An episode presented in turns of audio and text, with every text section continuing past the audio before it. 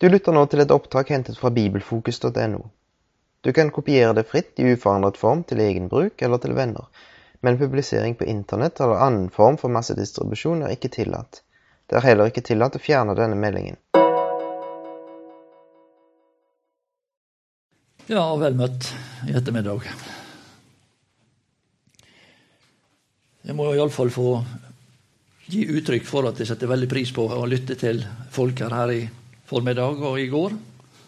Det var veldig, veldig interessant og oppbyggende. Og nå eh, skal jeg prøve på min måte å fortsette litt i eh, Peters eh, andre brev. Det vi prøvde å si litt om i går, fra begynnelsen av brevet. For øvrig det samme Peter taler om i sitt første brev. Det er bare en fortsettelse. Kapittel 1 i Peters andre brev er en, er en, eh, på en måte en litt sammentrekning av det som Peter hadde talt om i sitt første brev.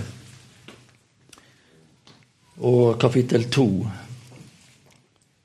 og tre taler om forfallet. Det som river vitnesbyrdet ned.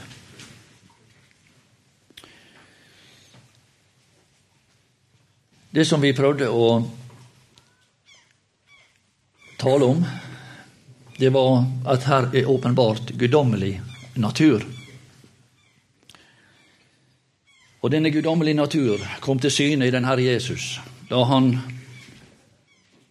viste fram rettferdighet i denne verden. Det, Hans rettferdige liv kom til syne. Det var den guddommelige standard som verden skal bli dømt etter. Og den blir også åpenbart i den Herre Jesu Kristi liv. Han blei sett.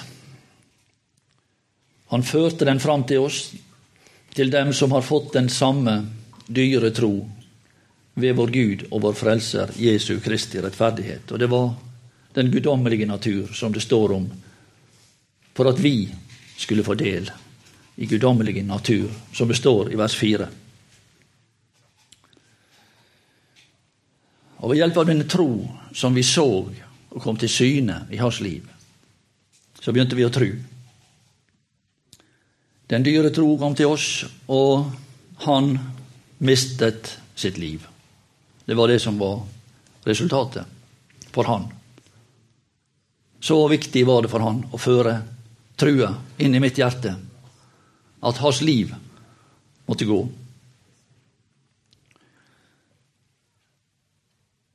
Så ser vi da at eh, denne dyre tro, den fører oss ved gjenfødelse. Dere som har gjenfødt, sier Peter i sitt første brev. Først blir vi vunnet, står det, står i dette samme brev, og så blir vi gjenfødt. Det er på en måte kvinnens menighetens arbeid å, å vinne. ikke sant? De kan bli vunnet ved sine hustruers ferd. Det er menighetens oppgave. Det er de troens oppgave. Men du ser at det kan ikke skje noen fødsel uten mann. Så står det, så kommer, han til. Så står det Kristus. At han gjenføder ved Guds ord, som lever og blir.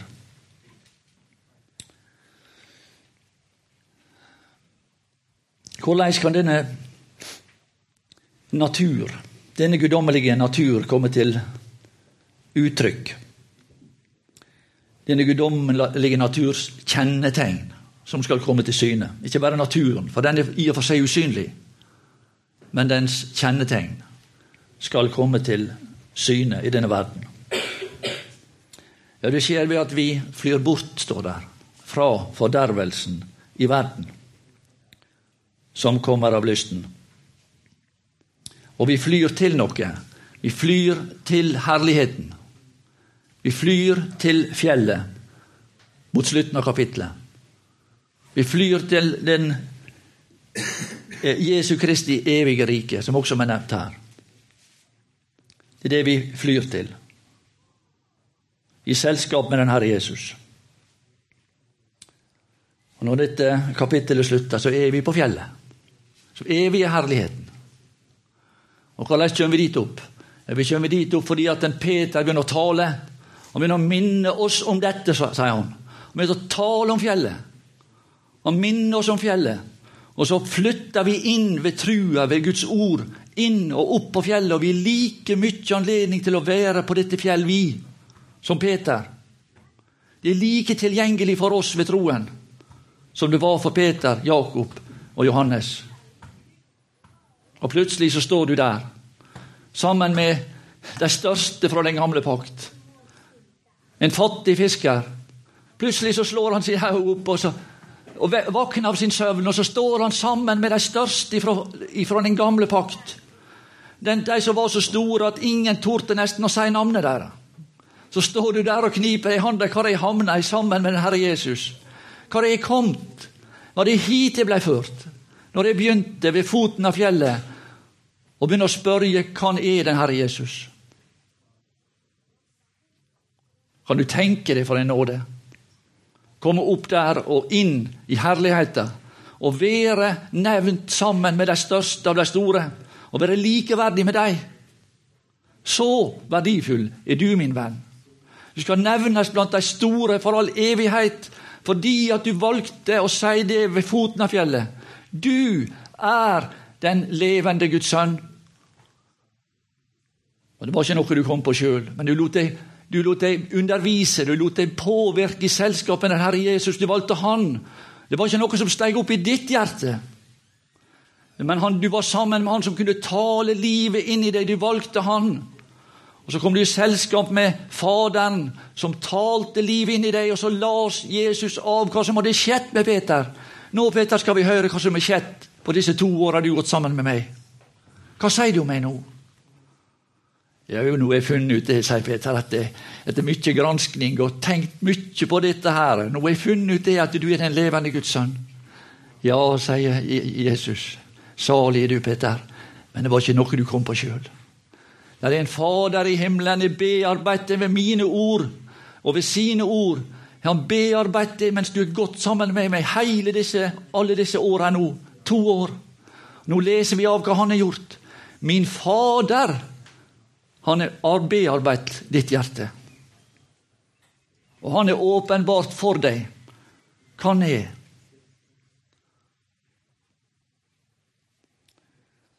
Kjøtt og blod, Peter har ikke åpenbart dette. Men min Fader, som er i himmelen, han har holdt på uten at du har visst det. I ditt hjerte, ved det ord som er talt til deg. Og så er du blitt det du er blitt. Du er gått langt over det som Israel skulle forstå. Du har oppdaget at jeg ikke bare er Messias, men jeg er den levende. Og den levende kan gjøre andre levende. Den levende Guds sønn.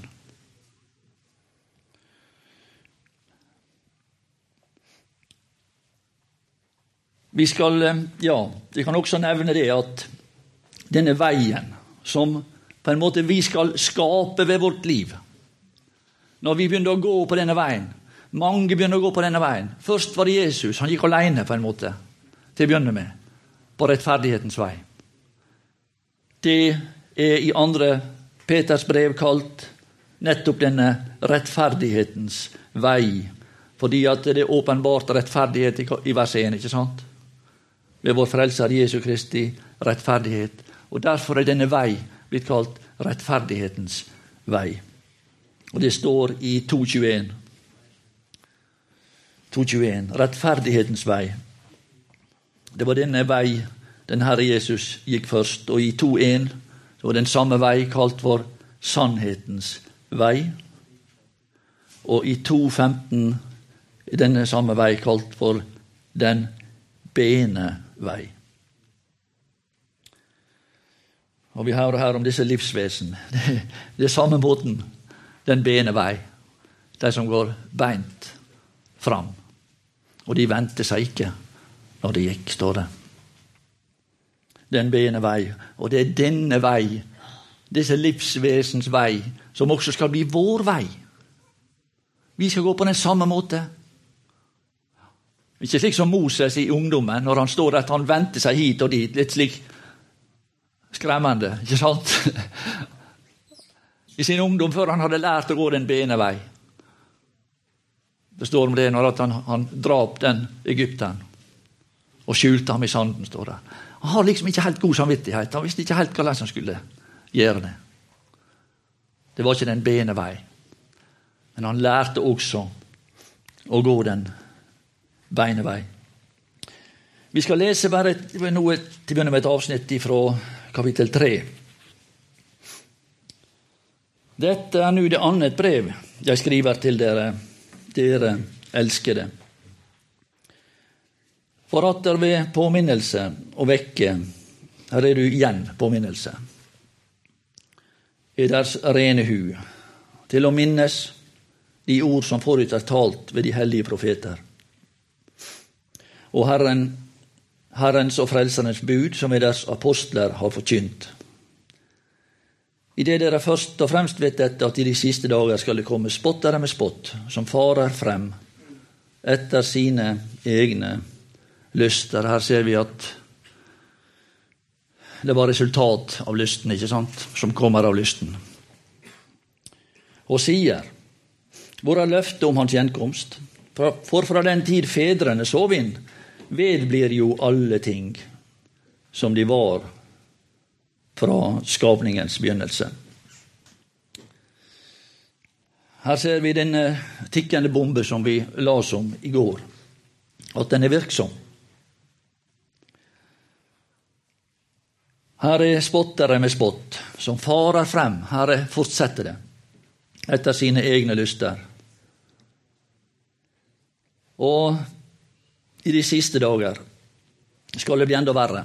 Det går ikke fra vondt til bedre, men det går fra vondt til verre i denne verden. Og det vil også, sikkert nok, som en helhet være sant for menigheten som et hele.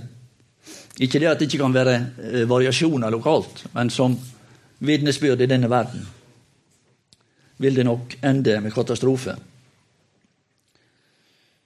Og Legg merke til dette at eh, det vi ser her, det er ikke ugudelighet generelt, men det er folk som taler om Kristus. Det er folk som taler om Han. Og det er fare for at dette er folk som til og med kanskje er innenfor menighetsliv og har et vitnesbyrd. Hvor er løftet om hans gjenkomst? Altså, de, de tar hans navn i sin munn. De berører hans navn. Og det vi legger merke til når de taler om han, så er det veldig viktig at han er langt borte. Ikke sant? Han, han må om gjøre at han er langt borte, slik at han, en kan få holde på med sine egne lyster. ikke sant? De farer frem etter sine egne lyster. Men da må du også si det at det, nei, men det er ingenting som forandrer seg her. Han er langt, langt vekke.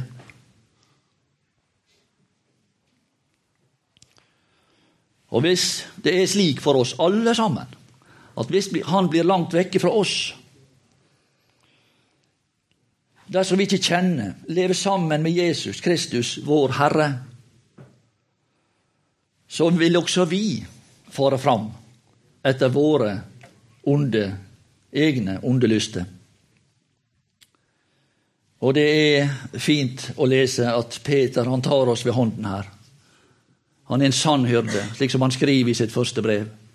Han er en hyrde under overhyrden, som ser etter oss, ser etter fåra. Dette er nå det andre brevet jeg skriver til dere, og han er denne røst ifra himmelen. Han er blitt en del av denne samme stemme fra himmelen. Denne scene på fjellet.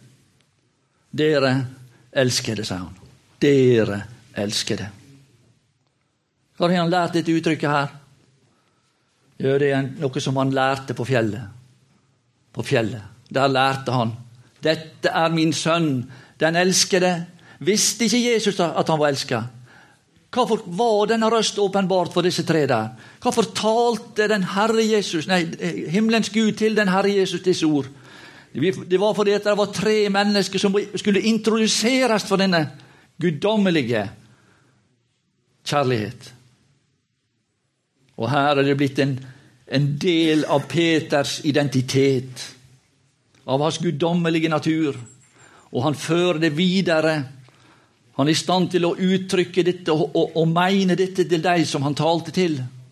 Og som han nå skal prøve å motivere, som han skal prøve å drage med seg opp på fjellet og inn i herligheten. Til de som han nå skal få til å vende seg bort ifra disse lyster og fly til den Herre Jesus. Det var noe han hadde snappa opp på fjellet. Det var uttalt kanskje tre setninger der oppe av Gud. Fra den opphøyede herlighet.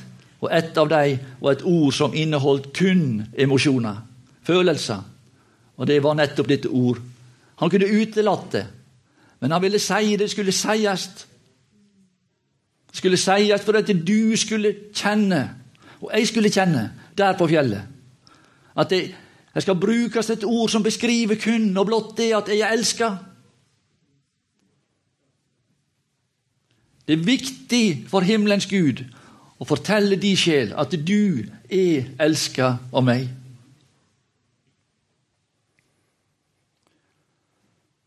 Og Denne røst den er flytta inn i Peter, og den går videre til oss. Han lar oss kjenne, slik som vi kjenner den Herre Jesus. Han overfører til oss det som bor i Han, men vi kan også overføre til andre det som bor i oss ved de samme ord, de guddommelige ord, og føre videre til hverandre også emosjoner, følelser. Og det er veldig viktig for oss som drivkrefter i våre liv at vi har følelser og kjenner oss elska. Og dersom vår forbindelse til denne evige verden er av en slik kvalitet at disse viktige eh, opplysninger, beskjeder, når fram til oss, så kan det være en veldig motivasjonsfaktor for videre utvikling. Da vil motivasjon kunne være til stede for vanskelige ting, for vanskelige ting å overkomme i livet. Vi, vi troende, vi er alle en ren hu. Peter sier for å vekke er deres rene hu. Vi er alle en ren hu. Og Peter han ser helt klart et behov her for å bruke sine krefter, som han har, som han har fått, til å dra omsorg for oss angående disse våre behov, for å bli vakt. Og Legg merke til hva som er medisin. Medisin er disse ord som vi talte om. Disse ord som brakte disse opp på fjellet. Peter begynner å tale til dem for å minnes de ord som fordum er talt, og så stiger fjellet fram i deres bevissthet og i vår forståelse. Og vi oppdager at vi er kommet inn i den verden der Gud bor. Men det begynner, venner, ved foten av fjellet. Det begynner der nede. Der spørsmålet er hvem er menneskesønnen? Men der oppe på dette fjellet er det ingen som spør etter hvem han er. For der taler Gud sjøl overbevisende ord til oss om hvem han er. Der får vi høre Guds stemme.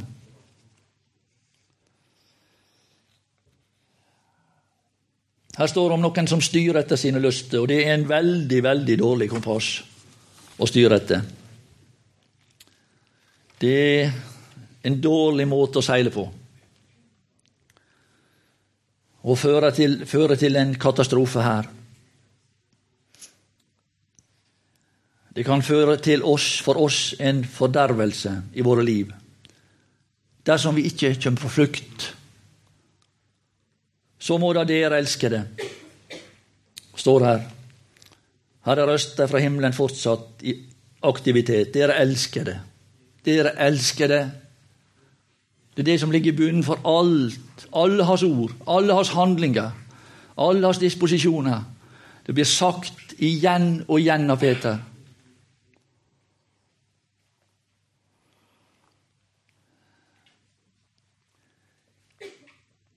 Og det er mjuke ord som kommer ut ifra din himmel.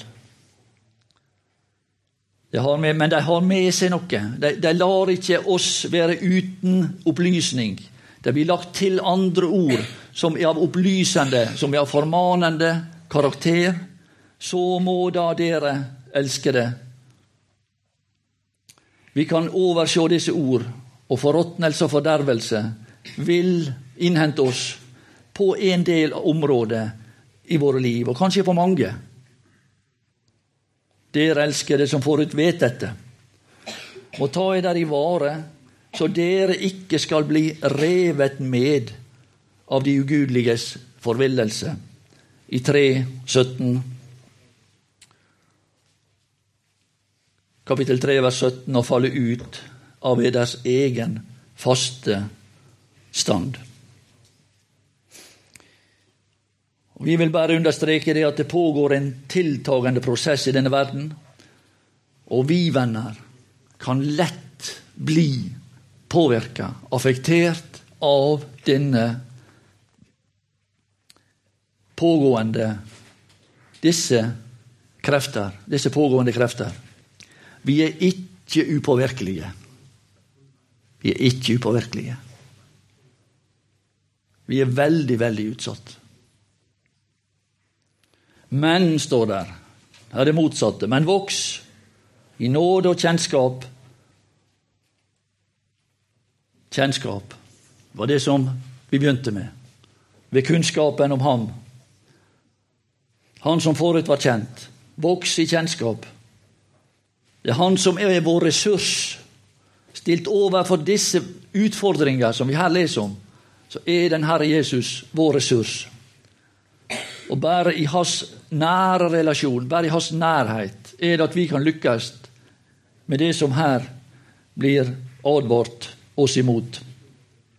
Voks i nåde og kjennskap til vår Herre og Frelser Jesus Kristus. Disse to sider. Han er vår frelser. Men som Herre Han frelste oss fra synd som frelser. Men han er vår Herre, som vi er nødt til å legge oss inn under om han skal frelse våre liv og føre oss sikkert gjennom alle disse farer. Hva blir resultatet da? Da blir resultatet slik som eh, Paulus avslutter dette brevet med. Han være æren både nå og til evig tid, sier Peter. Men i dette brevet her så er det først og fremst hans ære nå som er viktig hans ære nå. Det er det som Peter er veldig opptatt av. At han ved hans liv skulle bli æra nå. Og Det var det Johannes skriver i sitt eh, eh, evangelium på slutten der. Dette sa han for å gi til kjenne hvorledes han skulle ære eh, Jesus ved sin død. Sant? Han skulle ære Herren ved sin død. Han døde på samme måte som den Herre Jesus. Han døde idet han ga sitt liv som et bevis på rettferdighet. Sin rettferdige vandel.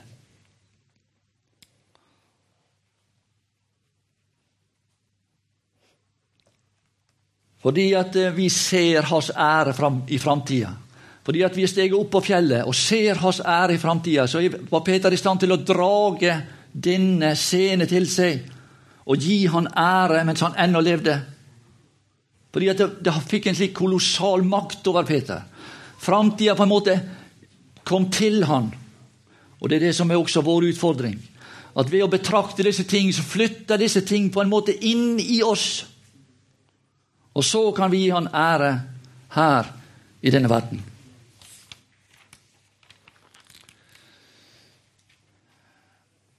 Er ikke det påtagelig? Vi kommer tilbake til 2. Peter 1,4. Eh, bare nevn litt der. Straks Peter åpenbarer for oss herligheten, hans egen herlighet og kraft, og denne guddommelige natur.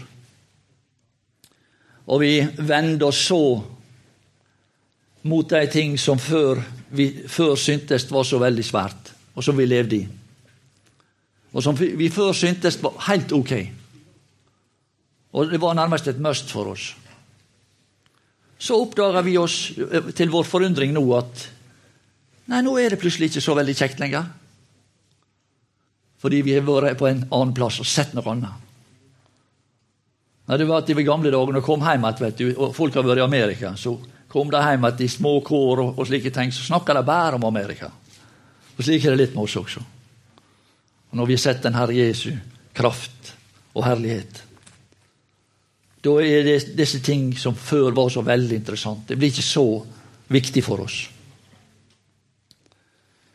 Vi har fått en ny sans og vurderingsevne. Og det var det Peter, Jesus sa til Peter da i, i, i Matteus 17. Så sier Jesus det til Peter det at det Vik bak meg, Satan, for du har ikke sans. Du har ikke sans. Du har ikke fått utvikla dine evner ennå, Peter. Men nå har vi fått en ny sans. Fordi vi har fått etablert et forhold til Kristus og hans verden. Da blir ting etter hvert mindre herlig her i denne verden. Og vi ser at det pågår en ødeleggende prosess i verden som får sin ende i 3.11, da nå alt dette oppløses. Alt dette oppløses. Det som før var så veldig interessant. Vi ser utviklinga på det. Vi kan følge det helt til endes. Peter stiller oss opp der og lar oss se det. Og, vi, Våre øyne kan følge det alt sammen helt til endes, og så ser vi det smuldrer opp og forsvinne. Da jo alt dette oppløses. Hvorfor oppløses det? Den Herre Jesus ble forkasta, korsfesta her i denne verden. Og på grunn av det så må alt av denne verden forkastes og oppløses og forsvinne. Når Peter erkjenner dette, og det synker liksom inn i han, virkeligheten hva er da hans reaksjon? Hvordan skal jeg da eh, eh, forholde meg til det? Skal jeg liksom bare stå og se på det? Ja, ja, ja, ja interessant. Artig. Artig lite knep. Og så fortsette som før. Nei, iallfall Peter reagerer på en helt, helt annen måte. Hvor må dere da 3.11. Hvor må dere da, på bakgrunn av det som vi nå har sett, strebe etter hellig ferd og Guds frykt? Her er drivkrefter, venner. Hvis vi stiller oss opp sammen med Peter og ser denne, disse ting forsvinne, fordampe og bli borte Det som før var så interessant for meg. Her er drivkrefter, og trenger vi dem? Trenger vi disse krefter? La oss bare være glad for at vi kan stille oss opp sammen med den gamle Peter og få den undervisning.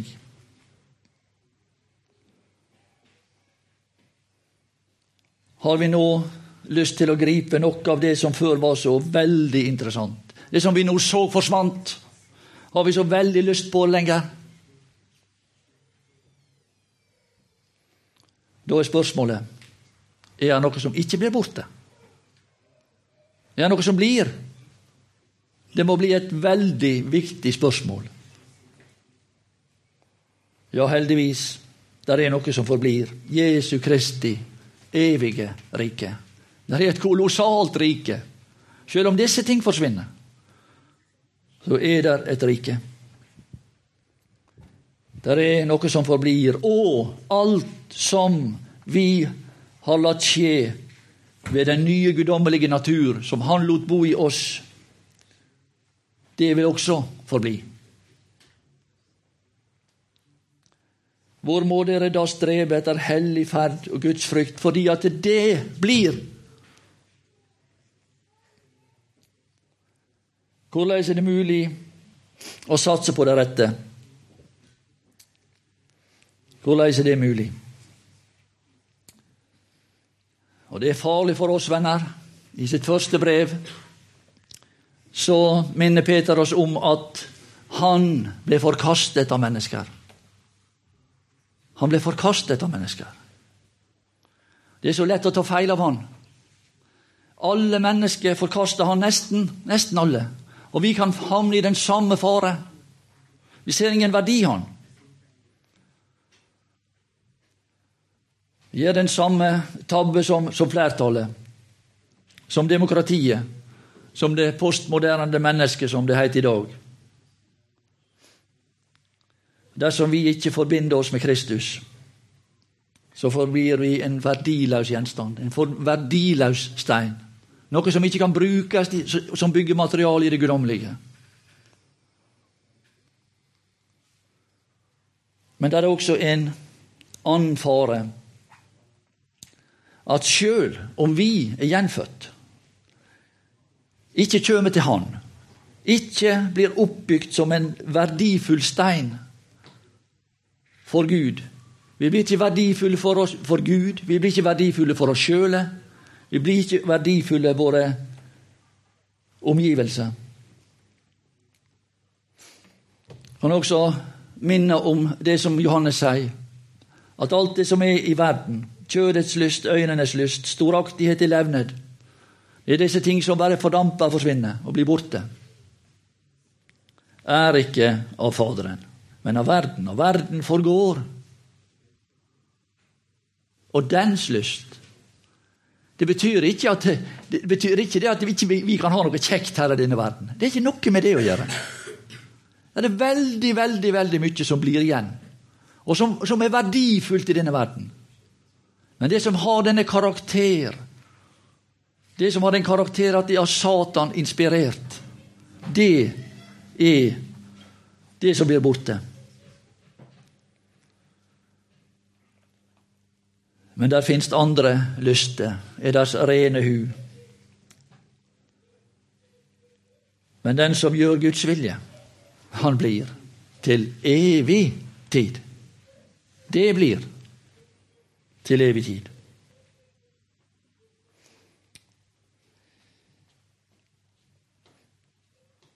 Verden forgår, og dens lyst.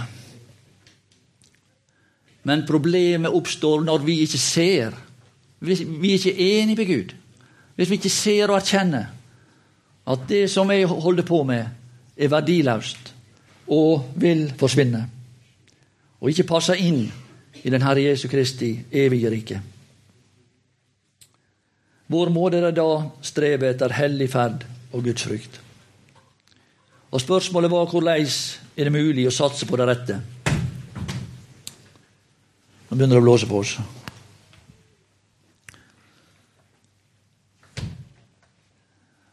Hvordan er det mulig å satse på de rette ting dersom vi ikke er i stand til å skille og erkjenne og forstå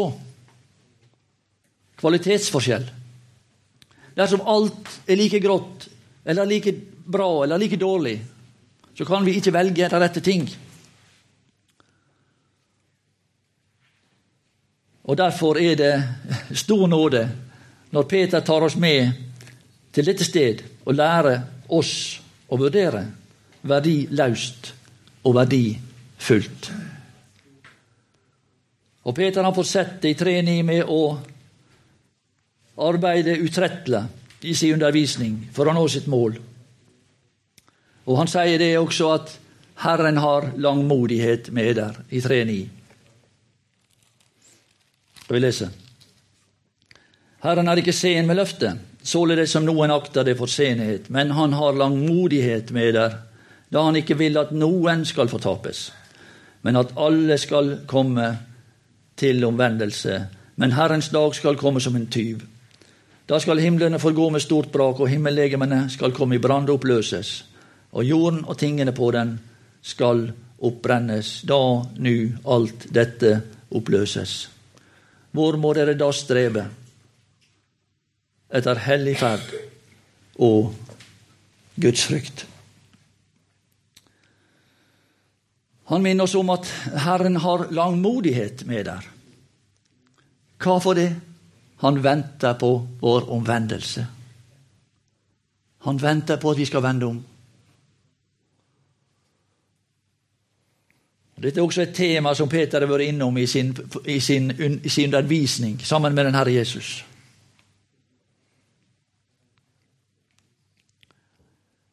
Han sa det, sa det, Jesus til Peter en dag. Når du en gang omvender deg, Peter. Når du en gang omvender deg. Han er tatt opp, Det kommer opp igjen. Temaet dukker opp igjen fra hans liv. ikke sant? Han ble ekspert på de temaene som den Herre Jesus lærte han. Og fordi han tok lærdommen, fordi han gikk inn i temaet, fordi han lot seg undervise, fordi han lot seg behandle, så ble han også den han ble. Og Det er det som er temaet. Det er ikke dine fall som betyr noe. Men det er spørsmål er du interessert i å fortsette. Det er det som er spørsmålet. Det var det som var spørsmålet for Jakob. Hvorfor ble Jakob foretrukken framfor Esau? Ja, han hadde alt mot seg. Men han ville, han så det at det var store velsignelser. Han så det som Esau ikke så. Han så de enorme fordeler det var å være Isak. Å være den eneste person som hadde tilgang til Guds nærhet. Han forsto det. Sjøl var han en kjeltring og luring. Men det var én ting han forsto.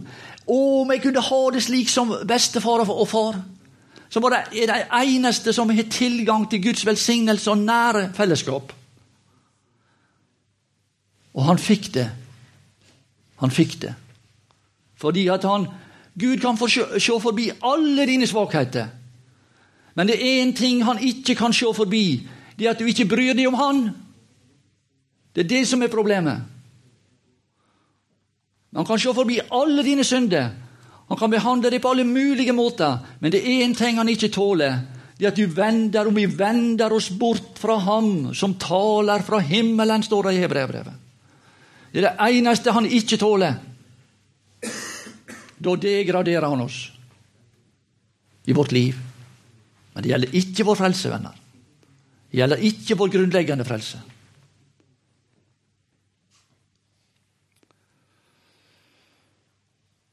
Han venter på, vår omvendelse, da han ikke vil at noen skal fortapes, men at alle skal komme til omvendelse. Det er et tap, store tap, for den som ikke vender om.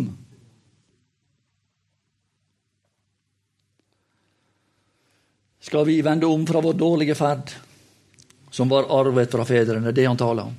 Er deres dårlige ferd som var arvet fra fedrene, i kapittel 1 i 1. Peter. Eller som han skriver om i det brev som vi er i nå, eller har vi glemt, står det, renselsen fra våre fordums synder. Når du en gang omvender deg, når du en gang omvender deg, Peter Du er omvendt på en måte, men du er ikke vendt om i ditt sinn og i din praksis. Du er vendt om til meg og blitt frelst, men du har ikke vendt om i din praksis, i din handling. Når du en gang omvender deg Du har ennå ikke vendt om. Da styrk dine brødre. Da styrk dine brødre. Og det er det vi må be om, venner. At det er en som kan levere ut disse krefter til oss. Disse krefter som vi trenger, hver enkelt av oss, for å være hverandre til styrkelse og styrke hverandre når vi kjøper sammen. Vi må ha krefter ifra himmelen. Naturgave har ingen virkning. Dersom vi ikke etablerer et omvendende sinn og lærer å vende oss fra alt verdiløst, hva da? Ja, leser vi her. Vi leser om at Herrens dag, Herrens dag, som Herren ser fram til, og som skal bli hans store dag, den kan få en annen karakter over seg enn tanken var. Den kan få en annen karakter. Herrens dag som skal bli Herrens store triumf. Den kan bli til en, et visst tap for oss. Den kan bli til et tap for oss. Herrens dag skal komme som en tyv, står det. Fordi at da blir alt borte.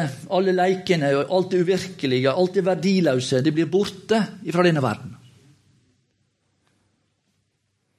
Og vi får ikke lenger holde på med det som vi hadde hang til å leke oss med. Det uvirkelige. En tyvs største aktivum det er at eh, han ikke venter. Og Jesus sier det at dersom tyven visste, dersom Hans Herre visste, eller om Herren visste, når, hans, når tyven ville komme, da ville han våke. Og det er det som er oppfordringa til oss. Våk, våk og vent. Men vi venter. Vi venter. Og det står i vers 13.: Men vi venter hans løfte, etter hans løfte. Nye himler og en ny jord, hvor det står rettferdighet bor. Rettferdighet er vers 1, og rettferdighet er er mot slutten. Den, den evige rettferdighet den dominerer overalt. Den er overalt. Rettferdighet bor der. Men rettferdighet er kommet til syn i ett enkelt menneskeliv i begynnelsen av 2. Eh, Peters brev. Det var i den Herre Jesu Kristi liv. Og det førte til den enorme virkning dette har. Det at når du kommer til den evige verden, så bor rettferdigheten overalt. Og Det er dette vi ser, og det er dette vi drar til oss, og det er dette som smitter på vår karakter og blir til vår, den rettferdige vandring som vi skal utøve mens vi lever her.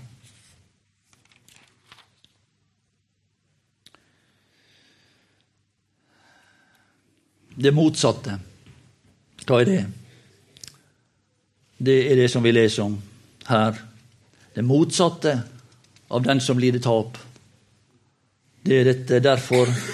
Elsker det. Peter han gjentar dette ord. Elsker det for å motivere, for å forsikre. Du skal bli forsikra om at du elsker, du er verdifull, du er betydningsfull for himmelen. Derfor elsker det da dere venter. Her er de som venter. Og fordi vi venter dette Fordi at det er dette som er vår tanke, det er dette som er vårt sinn, så får det et annet utfall du får andre handlinger. Her er de som kjenner den Herre Jesu Kristi, Kristus, vår Herre. Og resultatet, hva er det? Så kommer resultatet. Så legg vind på å bli funnet. Uten flekk og lyte, ser du. Her fordufter alt i nærvær av denne verden. For Der fordufter alt det vonde og det blir kun vinning igjen. Vinning. Og, og, og den Herre Jesu Kristi store dag, det blir også din dag. Det blir din store dag, det blir Paulus sin store dag. Ikke meg alene, sier han, men alle som har elsket hans åpenbarelse. Ikke alle som er frelst, i og for seg. De er frelst, selvfølgelig. Det hører Herren til. Men det var noen som får en ekstra piff den dag. Det var de som elsket hans åpenbarelse.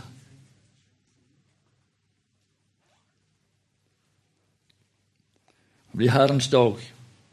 Det blir vår dag. Tilbake til kapittel 1.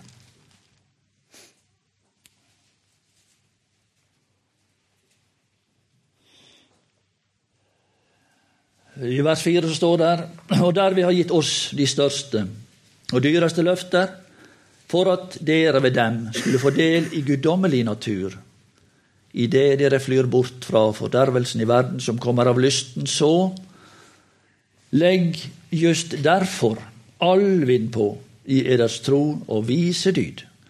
Og i dyden skjønnsomhet, og i skjønnsomheten avhold, og i avholdet tålmod, og i tålmodig gudsfrykt, og gudsfrykten broderkjærlighet, og broderkjærligheten kjærlighet til alle.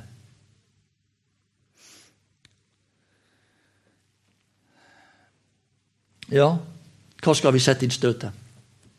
Hva skal vi legge vekta? Peter, fortell oss det her.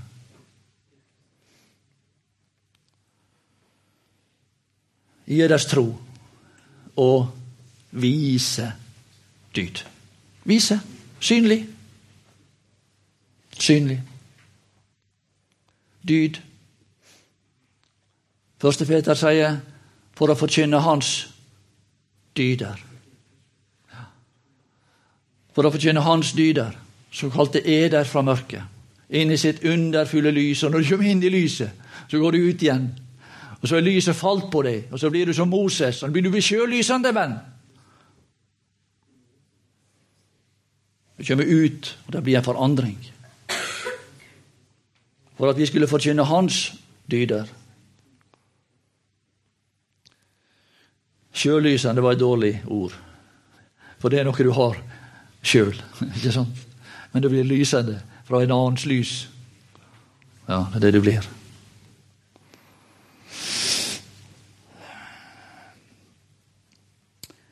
Ja, det skal vises. Ting skal vises. Vi skal vise frem noe.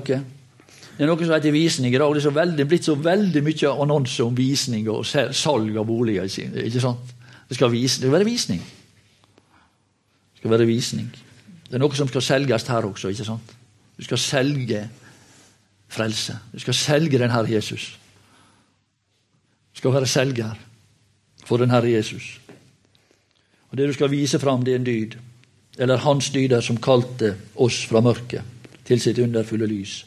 Eller du skal være slik som dette lam som er åpenbart i kapittel 1 i første Mosebok. Nei, i første Peters brev. Lammet. Du skal være slik som dette lam. Det ulastelige og lyteløse lam. Det er slik du skal opptre. Og hvordan kan du det? Ved at du eter det lam. Du forener deg med dette lyteløse lam, og så blir du som lammet.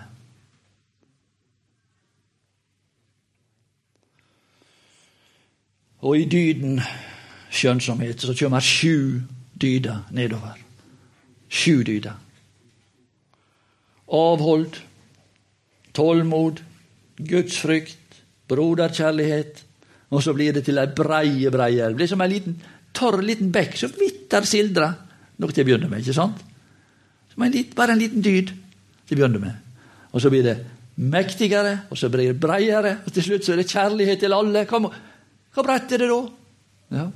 Kjærlighet til alle. Ja. Dette favner alle. Og det er et uttrykk, et mektig vitnesbyrd om den Herre Jesu Kristus og hans rettferdighet i denne verden. Det er et komplett, det er det komplette vitnesbyrd for verden. Og det er et produkt av den kraft som er omtalt her. Hans egen herlighet og kraft, makt.